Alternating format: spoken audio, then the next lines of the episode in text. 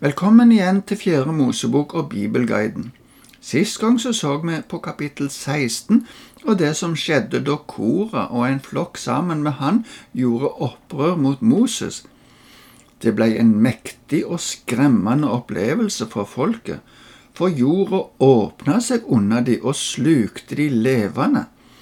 I tillegg til at Kora og de andre lederne ble slukt av jorda, kom det en ild ifra Herren over de andre 250 personene som hadde kommet fram med røkelse i denne sammenhengen.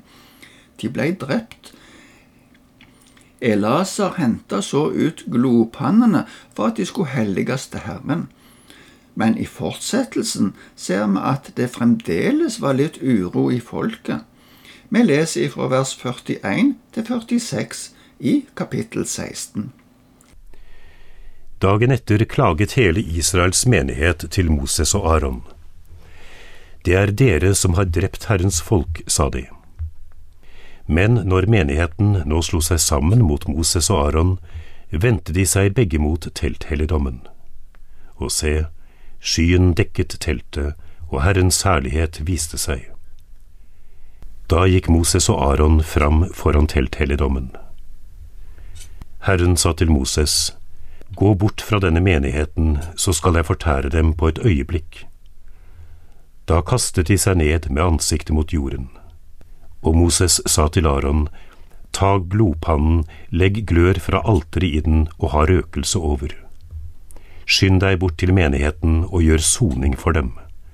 For vrede er gått ut fra Herren, det har brutt ut pest. Nå fikk Moses skylda for det som hadde skjedd, men da ville Gud gripe inn igjen. Men Moses kasta seg ned for Gud, som han hadde gjort flere ganger før, for å gå i forbønn for folket. Så ba han Aron om å springe inn i flokken for å stanse ødeleggelsen ifra Gud.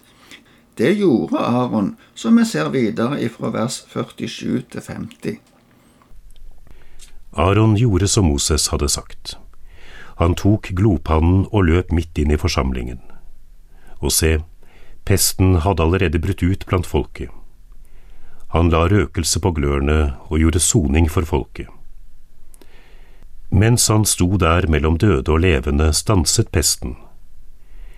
Men det var 14.700 som døde av pesten, i tillegg til dem som mistet livet for Koras skyld. Aron vendte tilbake til Moses ved åpningen til telthelligdommen. Pesten hadde stanset. Så stansa pesten, men hva skulle de gjøre nå for å få ro i leiren? Hvordan skulle Israel akseptere at det var Moses og Aron som skulle være ledere for folket?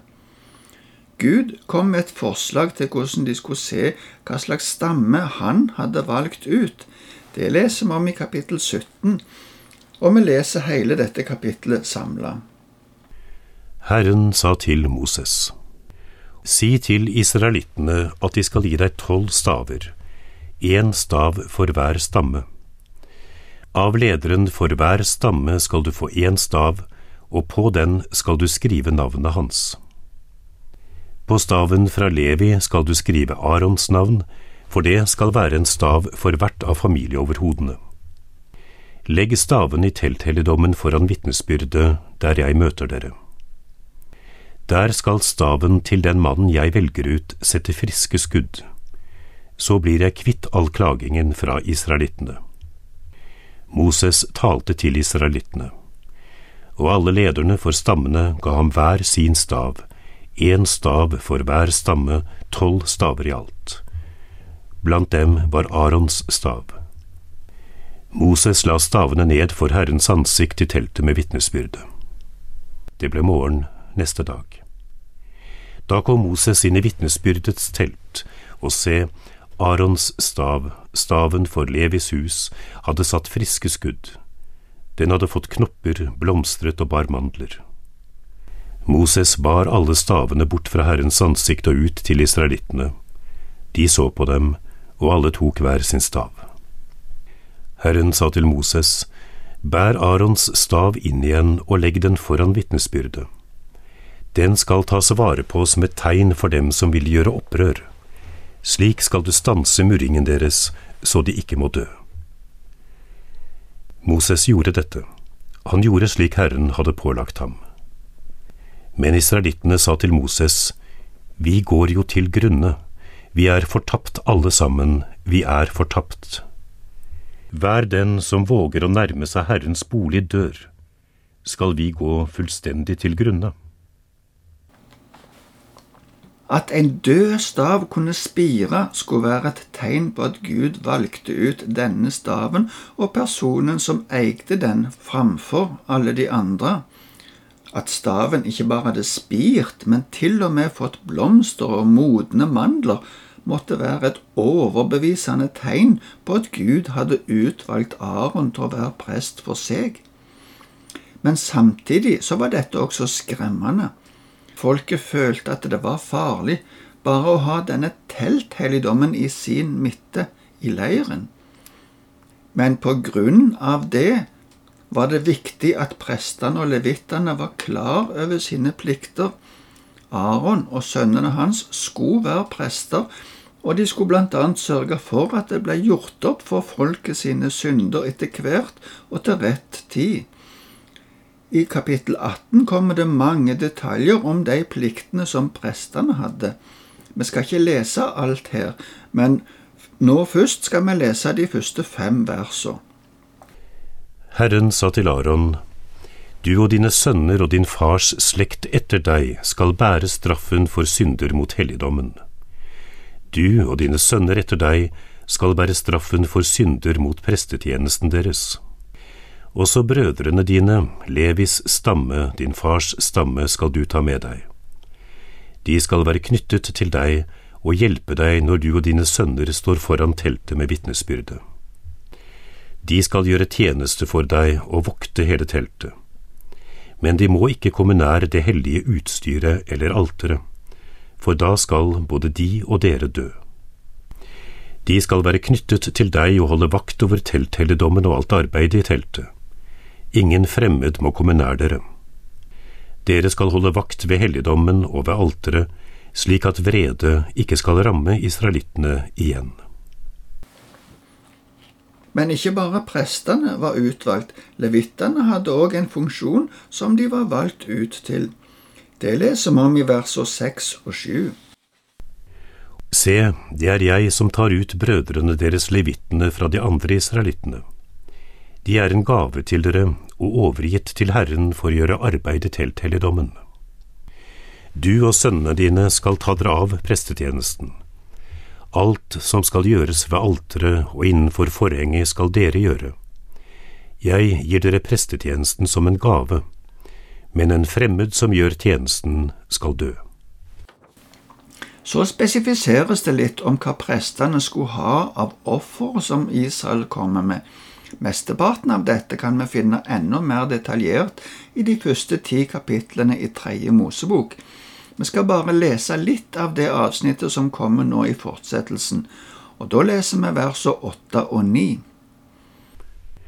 Herren sa til Aron, Se, jeg gir deg ansvaret for alle offergavene jeg får. Alle hellige gaver fra israelittene gir jeg deg og dine sønner som deres del. Dette skal være en evig forskrift. Av de høyhellige ofrene som blir tatt ut av ilden, skal dette være ditt. Alle ofrene deres, alle grødeoffer, syndoffer og skyldoffer, det som de bærer fram for meg som høyhellige ofre, alt dette skal tilhøre deg og dine sønner. Disse ofrene skulle være til mat for hele familien til prestene, i tillegg til kjøtt fra offeret, så skulle de få olje, vin, korn og førstegrøden av de ofre dette gjaldt. Israel skulle også gi alle førstefødte dyr til prestene. Det gjaldt de dyra som ble regnet som reine. De andre dyra skulle løses ut med penger eller med et annet dyr. Det gjaldt også de førstefødte barna. Så kommer det et avsnitt om land i Israel når den tida kommer.